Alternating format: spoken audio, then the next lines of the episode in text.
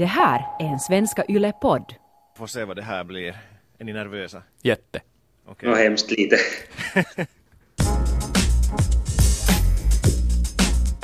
En ny vecka betyder ett nytt avsnitt av Ylesportens podd. Avsnitt nummer 34 för er som tycker om att hålla räkning.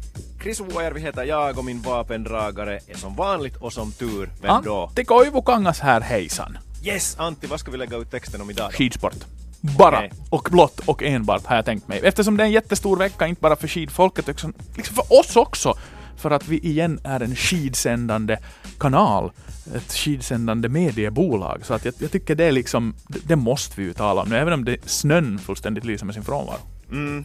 Och, och det goda i det hela är väl nu då att för omväxlings skull så blir det inte bara fiktion och en del fakta också. Eftersom vi har med Ylesportens skidexpert Glenn Lindholm. Välkommen med! Tack så mycket och goddagens, goddagens. Och Glenn är dessutom med oss från Vuokatti per linje där han ägnar sig åt att eh, styra folk i rätt riktning i sina skidsatsningar. Så att det här, eh, vi finns lite på alla håll och kanter idag för att prata den här skidsporten. Ja, jag hyllar ju visst, dig. och, och snö har vi här i Vuokatti. Ja, inte natursnö, men konstsnö har vi haft nu i 41 dagar. Att där har vi skidat utomhus redan över en månads tid och det flyter på ganska bra här. Ja, jag hyllar dig Glenn för att du vill vara med. För senast du var med var i, strax efter OS vid Incheon flygplats strax utanför Seoul i Sydkorea. Och då talade Antti om behovet av att rensa skidor. Hur oroad är du över att Antti eller jag kläcker ut oss någon liknande döbakukko? Tänk att du tar upp det du igen. Det här, no, men det där sitter bra. Jag hörde väl här i morse Donald Trump som påstår att vi krattar skogen här i Finland också. Så det är väl i ganska bra i linje med det där. Mm, och lite likhetstecken att få där. Jag minns också att vi var på mitt hotellrum och nu inser jag att jag borde aldrig ha släppt in er dit överhuvudtaget.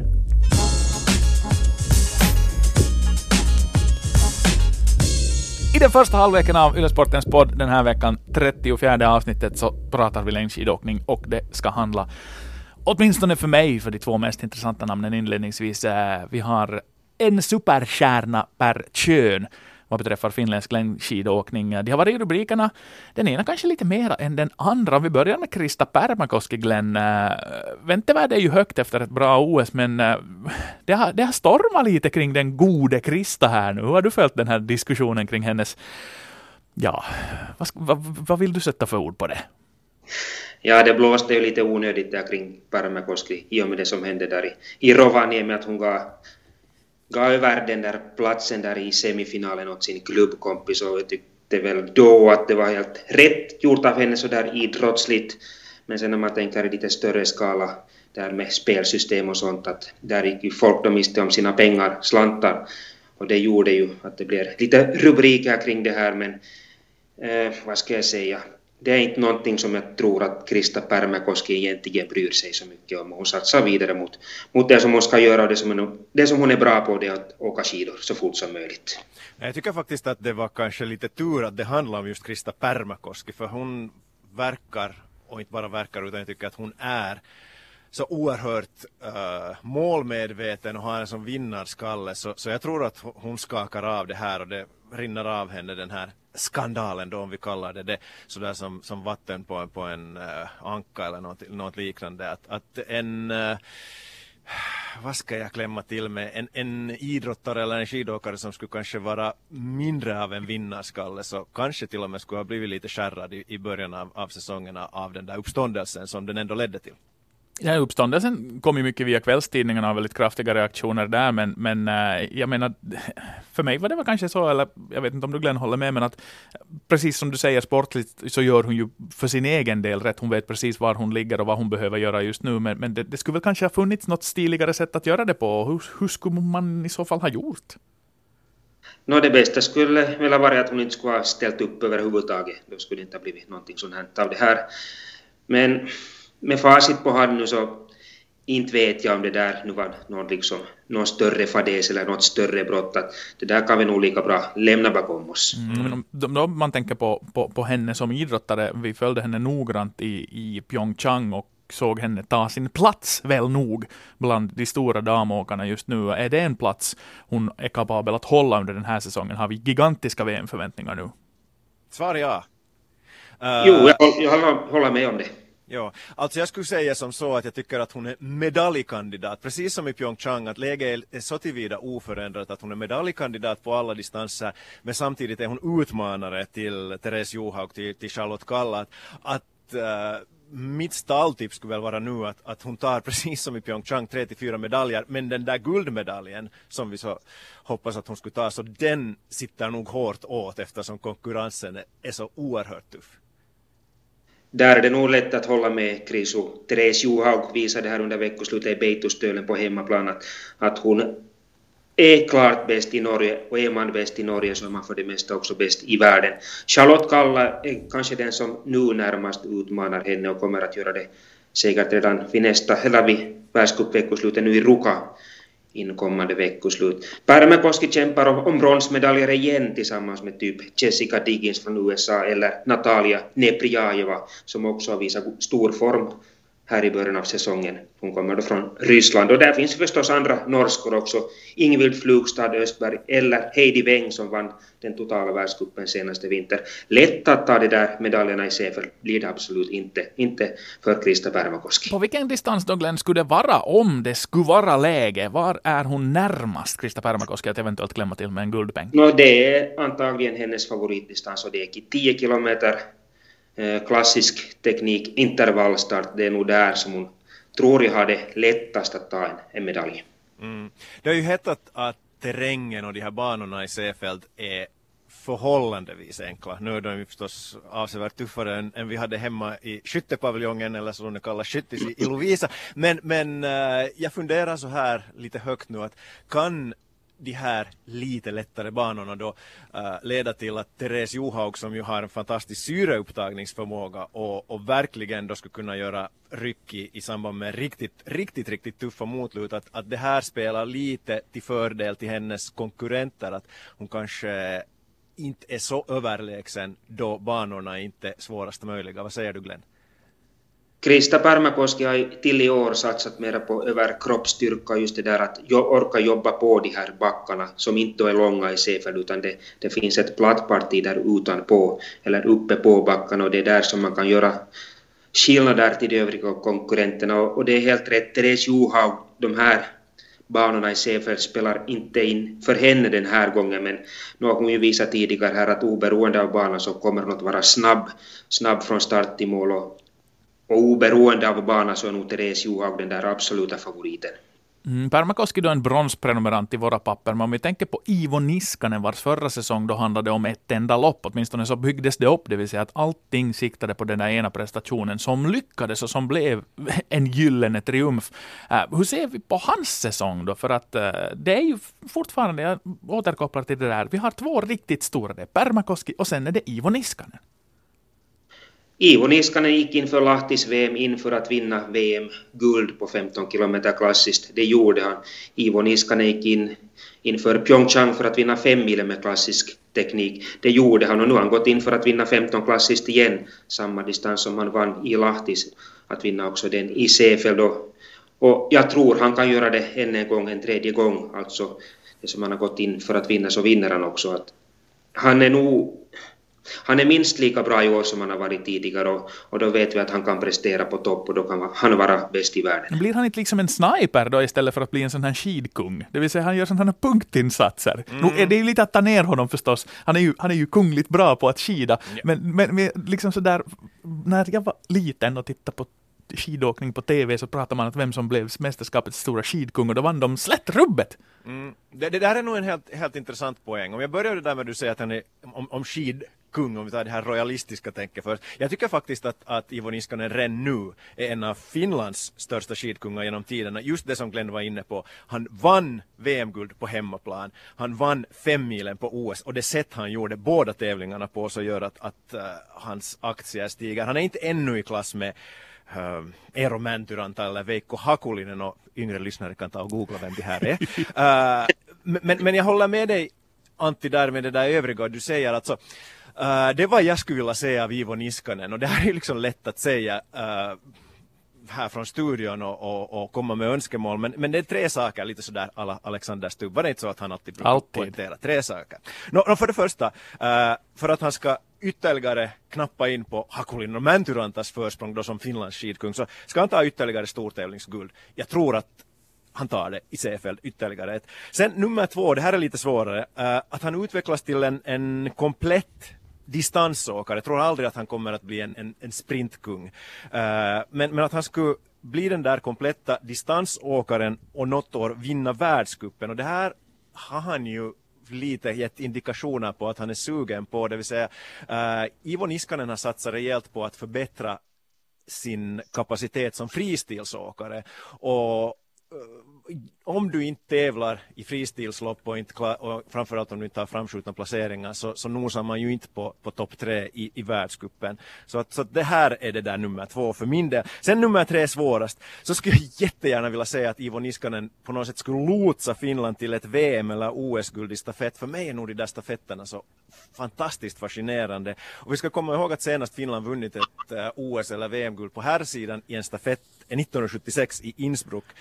Så att uh, gör han alla de här tre grejerna så är han nog alla tiders finländska skidkung, vilket jag hoppas att han är. Sen ska vi komma ihåg att det är ju jättelätt att säga det här, men det är svårt att upprätthålla den där motivationen. Se bara på till exempel Petter Northug, att, att får du de där framgångarna så, så att hålla upp motivationen, det är inte alltid det lättaste.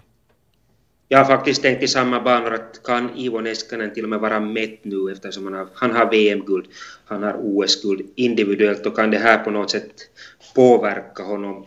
Nå, I och för sig, jag tror inte det. Jag har sett honom så många träningspass här i Vuokatti också och också hört av hans personliga tränare Olli Ohtonen då att, att han nog är lika taggad som han har varit under tidigare tidigare träningssäsonger och, och testresultaten har också varit bättre än vad de har varit, varit tidigare. Så, eh, jag tror nog fortfarande på honom. Ännu har han inte mätt. Och sen tillbaka till det, det där med världscupen och att vinna den totala världscupen. Och det finns ju en möjlighet att satsa och gå in för det nu nästa vinter, alltså 2020, mm. eftersom det inte finns något stort mästerskap då. Men han kommer säkerligen inte att vara ensam som just går in då för att, att klara sig den totala världscupen den vintern eftersom det, det är då det stora målet för de flesta. Men jag gillar det här just det här att han så betonar att, att nu ska han också bli om inte världsbäst men, men världselit också på fristil. För alla idrottare för, uh, kräv, behöver de här morötterna som gör att, att där ser man utvecklingen. Han är världsbäst på distanslopp i klassiskt, det har vi sett i två säsonger. Så att uh, det här kan vara den där sporren han har behövt, vad jag Mm. Det är som de där backhopparna i tiden som hoppar med klassisk stil och sen när V-tekniken kom så skulle de bli världsbäst på det också. Och det var inte många som lyckades med den bedriften. Hej, bakom Pärmäkoski och Niskanen som är de givna stjärnorna som kommer att plocka medaljer. Ni har bättre koll på det här än vad jag har för ni ska jobba med skidsport det här året. Äh, vem är som sån där, som vi kan rubricera med hållet öga på vad beträffar inte världseliten, men etablering på en världsnivå, att ta steget från bra nationell åkning till bra internationell åkning. Vem bubblar under, Glenn? Nå, vi pratar om finländska åkare så Johanna, Johanna Matintalo är kanske den som bubblar allra mest just nu och hon har visat redan i flera tävlingar den här förvintern att, att hon blir att räkna med. Jag är helt säker på att det blir topp 10 placeringar för henne i världscupen och hoppeligen bättre än så. Att hon har visat kapacitet och hon har kapacitet och hon kan bli riktigt bra. Hon är nog vår följande världsstjärna bland damerna. Var sitter hennes kapacitet då? Vad är det hon gör? Alltså i vilka discipliner hävdar hon sig mest? Nå, det är nog den klassiska biten, klassiska tävlingarna. Distansen har inte så stor skillnad. Det kan vara sprint och det kan vara en tre mil. Allt passar egentligen, men hon har, hon har en, en bra motor, en bra syreupptagningsförmåga som krävs fortfarande i dagens skidåkning. No, för att vara Captain Obvious, Kapten Självklarhet här, så, och det är ju inte på något sätt ett nytt namn, men, men jag tycker att det ska bli jättespännande att följa med Risto-Matti Hakola den här säsongen. Alltså hans äh, formbesked här under veckoslutet var ju verkligen aptitretande.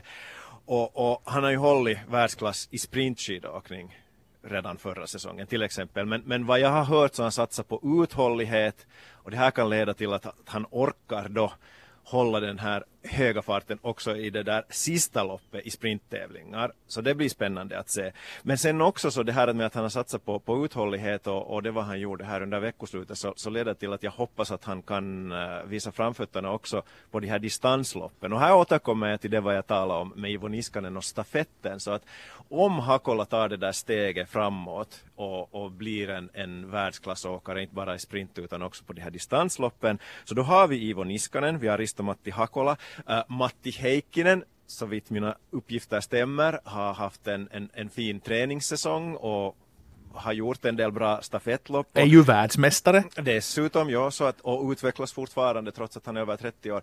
Uh, Perttu Hyvärinen har jag också hört lite sådär tissel och tassel om att, om att han har gjort framsteg. Tränar visst med Ivo Niskanen dessutom, så att inte det nu helt långsökt att, att Finland ska kunna hävda sig i stafetten med det här laget. Eller, vad säger Glenn? Absolut har du rätt och det, yes! det där medalj, den är nog nära nu. Eh, de hade nu på lördagen uppe i Olosmuonio, alla finländska landslag är där, eller har varit där åtminstone. Och de hade en träningstävling, en testtävling och där var faktiskt Perttu Hyvärinen snabbast av alla. Han var en tiondel snabbare än Ivo Niskanen i fri teknik visserligen, men det är just fritekniksåkare vi behöver och Perttu Hyvärinen har tagit ett steg framåt under den här träningssäsongen. Och, och nu har vi en kvartett som verkligen kämpar om, om medaljer på V i Seefeld. Ido Risto Matti Hakola, Ivo Niskanen, Perttu Hyvärinen och Matti Heikkinen. Och kanske till och med den här ordningen på, på VM. Vet nu har vi redan tagit ut stafettlaget på här sidan så det här är ju bra. Så nu rullar vi bara vidare mot frågan att blir Seefeld då ett och nu använder vi Lahtis som avstamp, det vill säga det är benchmarken, det är det vi jämför med. Succé eller flopp, det vill säga går vi bakåt eller framåt då det kommer till mängden medaljer vid Seefeld-VM? Eh, vi går framåt och jag tror framförallt för att eh, det ser hyfsat lovande ut, dock med vissa frågetecken i nordisk kombination, så där finns en eller två bonusmedaljer att ta, tror jag.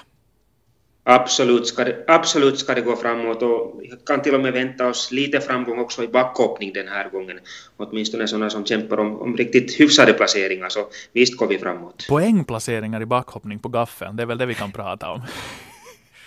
Nå, ungefär, det är väl ganska realistiskt.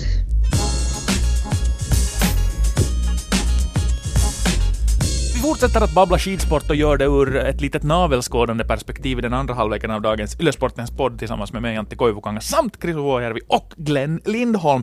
Och de två senare nämnda här äh, hör till ett fyra man starkt skidteam som ska förmedla världscupåkning på Yles kanaler. Det här är vi jätteglada över och stolta över. Vi har ett långt kontrakt, färskt sådant, på fickan som kör igång nu till veckoslutet. Och vi sänder mycket och massor, inte allt på svenska, men en hel del. Kriso, berätta! Mm, Yle sänder 400 tävlingar under vintern och, och, jag som sitter vägg i vägg här på redaktionen i Böle med kollegorna på Yle Urheilu, så vi har ju nog svettats för att få det här pusslet att, att gå ihop, det vill säga både tv-tablåer och vem som ska referera vad och vem som ska vara expertkommentator. Det handlar alltså om världscuperna i längdskidåkning, skidskytte, nordisk kombination, backhoppning, alpint, freestyle och snowboard. Allt sänds endera på tvn och eller arenan.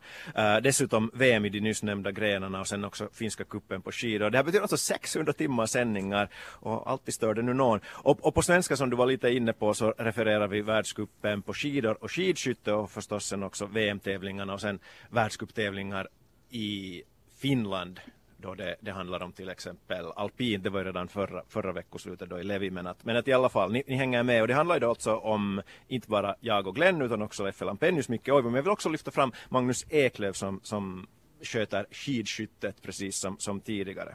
Ja, jag initierade en liten Facebook-diskussion här under morgonen och fick ganska spridda kommentarer kring folks intresse för längdskidåkningen. Och det är, är, är frapperande och roligt att se hur många människor, hur en stor del av många människors veckoslut det ändå är. Vi snackar ändå då i det fallet människor som är sådär 25 och uppåt, äh, ända upp till, till 60. Men, men den där invanda kulturen av att veckoslut under vintern handlar om skidåkning, till och med bara att man har på det i bakgrunden och lyssnar på det, kan liksom räcka. Och, och det här skvallrar ju tittarsiffrorna om också. Uh, Glenn, du är, fast i skidåkningsfamiljen. Det måste väl ändå vara ett lyft för finländsk skidsport och, och längdfolket framför allt att, att man igen når ut till de här stora massorna, för vi snackar ju i bästa fall nästan miljonpubliker. Nå visst är det så. Syns man så finns man också till brukar man ju säga. Och det är precis på det här viset att, att det här är det bästa sättet att marknadsföra de här vinteridrotterna på skidor då. Och det, här, det här är ju en julafton för skidfolket under hela, under hela den här världscupsäsongen, hela vintern egentligen. Och man har ju sett SVT har ju haft Vinterstudion i, i ganska många år redan och man har ju sett hur stort det har blivit där.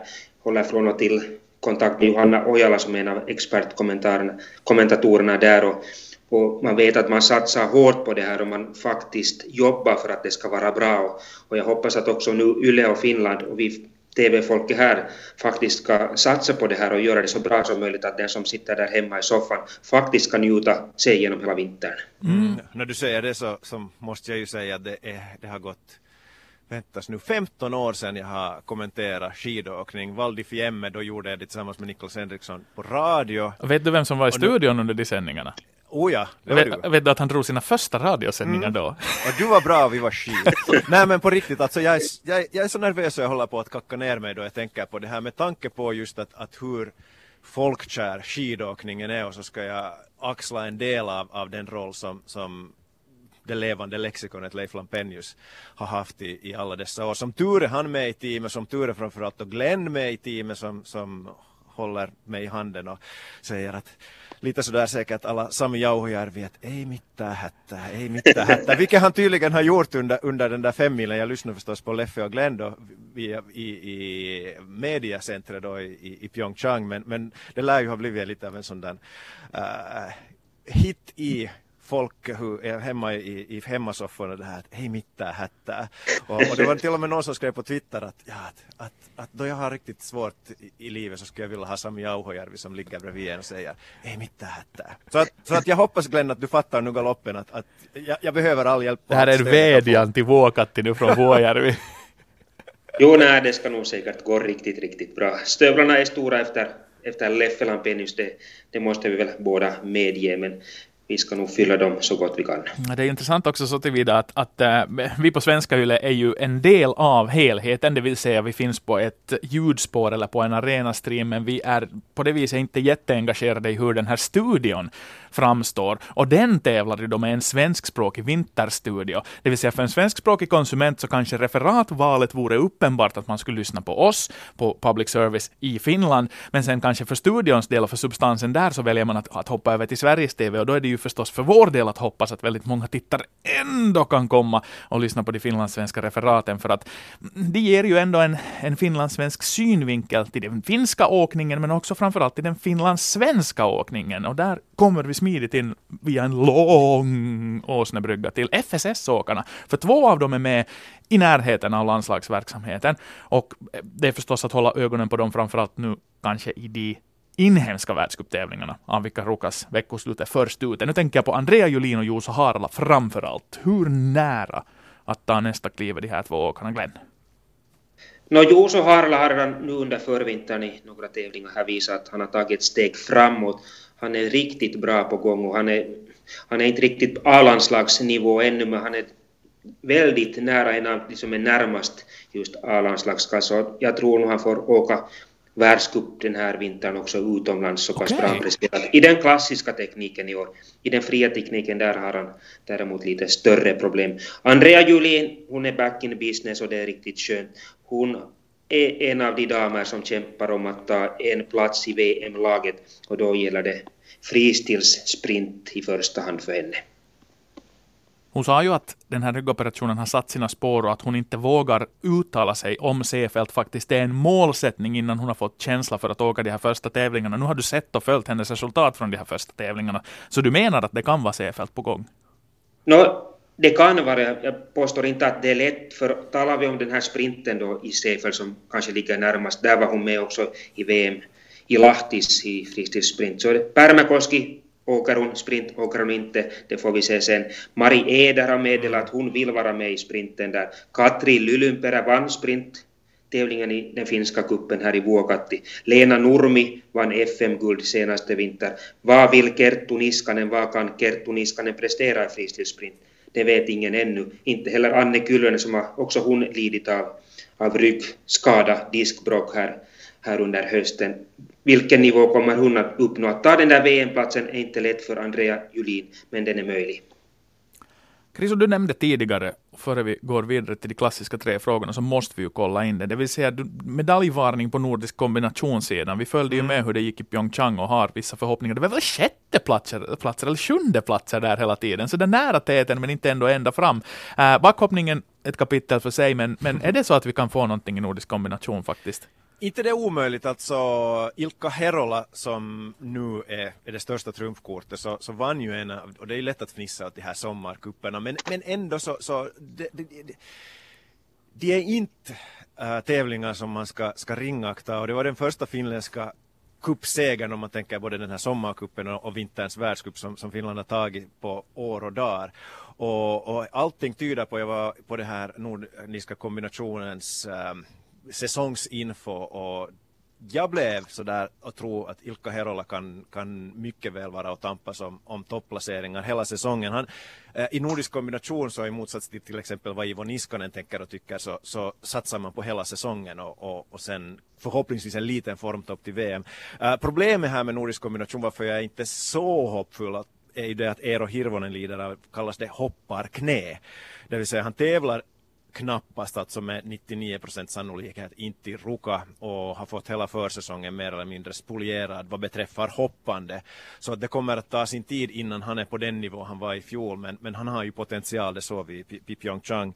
Men, men nordisk kombinationen tycker jag är kul. Den är, är så pass oviss, det är många ombud men det kan absolut bli, bli en, en medalj eller varför inte två men, men det, det är hårt om budet. Ja, Glenn, jag vet att du förstås är på sätt och vis en skidpuritan, men är inte lite roligare ändå de här grenarna, just nordisk kombination och skidskytte, där, det, där liksom man kan man kan ändra på spelet med, med liksom någonting annat. Att, att ja, du kan, ska vara en bra skidåkare, men skjuter du bra eller skjuter dåligt så påverkar det. Så att, att, finns det någon förkärlek till de här grenarna från din sida, eller är du helt puritan?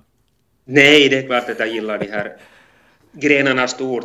Det är inte så lika förutsägbart att man i den, i den här världscupsäsongen som kommer, man kan ju säga att Therese Johaug kommer att vara där uppe i täten. Nästan varje lopp hon deltar i. Eller man kan säga alla lopp hon är med så hon högst uppe.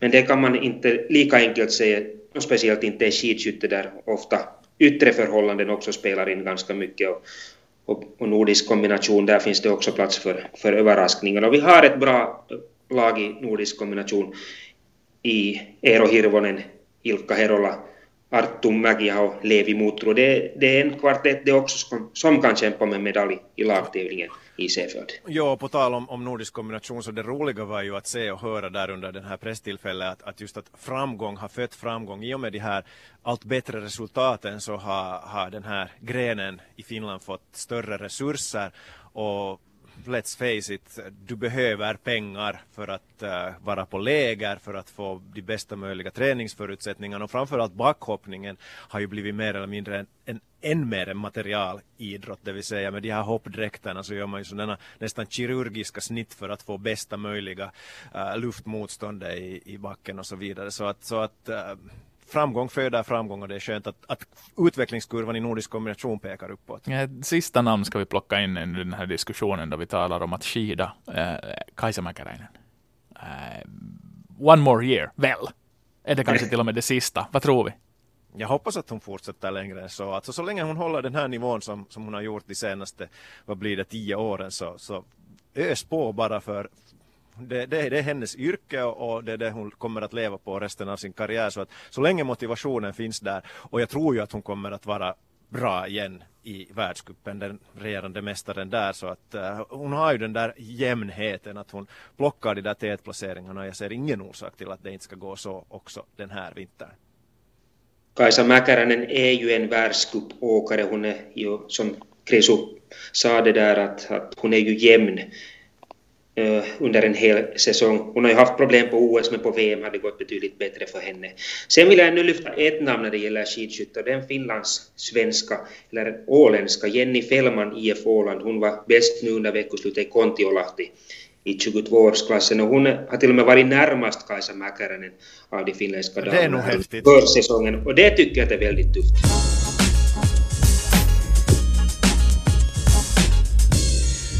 Vi avrundar Ylesportens podd avsnitt 34 precis som vanligt. Eh, tre frågor. En av alla deltagare. Antti, du får börja. Mm, eh, jag, jag äh, jobbade med skidsport ganska många år sedan och har följt den under alla dessa år som jag har varit sportjournalist och tycker om föreningsnamn och logon. Och eftersom skidåkningen har så långa traditioner så finns det också fina traditioner kring föreningsnamn inom, inom skidsporten. Så jag är nyfiken på vilket ni tycker är det häftigaste, mest dramatiska, ödesmättade, what not, välj själv, men liksom ett, ett, ett namn på en skidförening ni gillar skarpt. No, jag tycker överlag att FSS-föreningarna har bra namn. För att dra hemåt först så Lovisa Thor, sen österut Borgo Akille, så finns det Åsarna och det finns Minken och det finns Femman och så vidare. Det är liksom anrika namn och lite annat än bara Hihtoseura. Men på finska sidan så finns det nog också jättehäftiga namn. Alltså Joutsan Pommi var ju, är ju en av, av äh, toppklubbarna för, för några år sedan. Men, men någonstans så har jag en fäbless för, för Sarjärven Pullistus, alltså det där Pullistus, det tycker jag har stake. Ja, det, det, är ett bra namn. Det där tänkte jag faktiskt inte själv på. Men just de här finska namnen, de har ju ofta... De kan sluta på, eller det kan vara någon ort, ortsnamn och sen kommer det Tarmo, Sisu, Junkarit, Pohti, Pilke, Ura, Viri, Kiri, Kiva till och med. Och det, det, finns, det finns ganska mycket sådana, ska vi säga, ganska finurliga namn. Jag faktiskt googlade här i morse och kollade vad det finns för namn utomlands. Och jag hittade en riktigt trevlig klubb som jag gärna skulle tillhöra, tillhöra och det. Är Long Beach Ski Club i Los Angeles, California. och jag såg att de ska, ha, de ska ha sitt, jag vet inte om det är årsmöte, men i alla fall följande möte på Ecos Pizza det låter också väldigt, väldigt skönt. Okej, okay, jag hoppas du bokar in det sådär så att det passar in med sändningstiderna vi har på Ylesporten vad beträffar världscupen. jag tycker också om Joutsan Pommi och sen har jag någon gång varit väldigt äh, luta mot äh, Teuan Rivakka. För Rivakka är ju som sådär äh, konnoterar fart. Men, men sen fastnade jag faktiskt också när jag tog ett, en, ett sneglande utomlands på det som äh, Anna och Emil gjorde. Det vill säga mm. Anna Haag och Emil Jönsson. Inte nog med att de då grundade en egen skidklubb som hette Annas och Emils sportklubb. Äh, de skänker alla medlemsavgifter till Rädda Barnen och 10 procent av sina vinstpengar. Så därför går min röst här till Anna och Emil. Mm. Bra svar. Uh, det där Bygdegårdens hoppen, ett annat. och speciellt förkortningen då. ja, precis. Och sen, sen, jag vet inte om du sysslar med skidåkning, men det finns en, i Sverige en handbollsklubb som heter Kroppskultur. Det tycker jag också är ganska häftigt. Mm. Men hej, vi går vidare. Jag tänker ta en lite mer seriös fråga. Nå, no, inte nu. No, no, jag is nog. Uh, det har ju varit på tapeten en del och i sociala medier så diskuteras det och, och tidningen Urheilulehti hade en lång artikel om det här, jag tror det var förra veckan. Det vill säga, borde Veikkaus monopol skrotas till förmån för ett system där olika vadslagningsbyråer internationella också skulle få rätt att verka i Finland mot då en, en licensavgift. Typ så som läget är i Sverige. Va, vad säger ni? No, det här blev ganska, tycker jag, eller det är ju en politisk sak och det här, jag försöker hålla mig bort från den sidan. Jo, jag vet inte, min första tanke är nog den att det är bra som det är. Men sen om det faktiskt är det så, det har jag inte egentligen koll på. Jag har inget svar egentligen. Jag är benägen att tycka det kanske borde vara tid att rejält granska det och på rätt förutsättningar sen fattade det beslutet för, för Veikkaus omsätter ändå 3,2 miljarder euro på årsbasis och om man då mot det sätter det faktum att finländarna under fjolåret förlorade 1,8 miljoner äh, i reda pengar, alltså förluster. Miljarder. Så det, miljarder ja. Så det ger och det tar. Äh, egentligen är jag, upp, jag är för att uppluckrande av alla former av monopol, för det är inte sunt för konkurrensen i en fri marknadsekonomi, och speciellt så global som vår marknadsekonomi har blivit nu. Uh, och sen är det ju det här med att, att problemspelarna ändå uh, står för en så stor del av, av konsumtionen. Uh, enligt uppgifter så är det 5% av spelarna som står för hälften och mm. det är någonstans där varningsklockorna ringer. Då kan man inte man tala om en sån här, ett folkhälsoargument att det skulle drabba så otroligt många om det här monopolet luckras upp, utan uh, Framförallt så är det problemet för mig till exempel med placeringen av alla spelautomater, var de finns och vilka spelartyper de lockar till sig som gör att jag skulle vilja egentligen ha bort dem. Och monopolet gör ju att de kan ju stå var som helst. Så att jag, jag är faktiskt eh, granskade ordentligt, vilket jag har förstått att Konkurrensverket också är på väg att göra. Och sen på lång sikt så, så är jag nog beredd att öppna upp marknaden. Uh, jag håller till stora del med dig Antti, men jag skulle snarare säga att, att det här uh, Veikkaus till och med förutsättningar och efter den här granskningen skulle gärna få, få skärpas att just de här diskussionerna om, om och det här handlar väl då om, om RAY, Penningautomatföreningen som har placerat de här mm. uh, enarmade banditerna som är de som, som uh, får en mest beroende av att spela eftersom de här vinsterna kan kommer så snabbt. Spelar du på, på en skidvärldscup så, så måste du följa med ganska länge och, och det tycker jag kanske är mindre harmlöst. Så att, uh, det finns en orsak till att, att det finns vissa monopol som alkohol och att vissa verksamheter som droganvändning och sådana är förbjudna, att vi som samhälle ska skydda de som är mest utsatta. Och tyvärr, de som är mest utsatta för, för vadslagning och olika spel är ofta de som har det sämst. Så att uh, det tycker jag är osympatiskt i den här verksamheten. Så att uh, om det leder till det att det finns mindre pengar att dela ut till idrott, till kultur och så vidare så är, det, så är jag redo att köpa det om de här problemfallen och, och pensionärer som sätter sina pensioner på att spela så, så skulle kunna på något sätt åtgärdas. Det, det, det är min tanke på det hela. Före Glens fråga en liten hommage till våra kollegor på Offside som gjorde ett ganska djärvt beslut och Precis. vägrade spelreklamen i sina mm. alster. Jag har gillat den där tidningen alltid skarpt på grund av deras journalistik. I dagsläget gillar jag dem till och med mera. Mm. Glenn, har du någon fråga att ställa till oss? Nå, no, visst har jag det. det här, eh, vi har pratat om världscup och världscupsäsonger i diverse grenar under den här diskussionen. Och jag undrar nu av er, vilket världscup-veckoslut skulle du helst uppleva den här vintern och varför?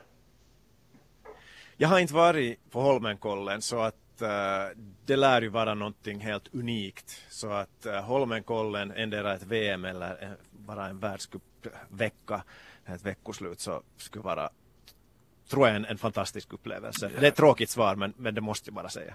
Jag skulle troligtvis vilja fara ner till Tyskland och följa med skidskytte. Mm, och vara på en sån där stor läktare och, och se när tysken träffar alla fem och vara med i det där oj, oj, det är liksom, det, det, det är kokematta. Jag har sett skidskytte på OS äh, eh, två repriser, men, men, men, men någonstans så känns det som att det, den där riktiga tyska, tyska partyt med kanske, kanske någon, någon sval dricka i handen och, och galna tyskar med koklockor runt mig, det, det skulle jag välja.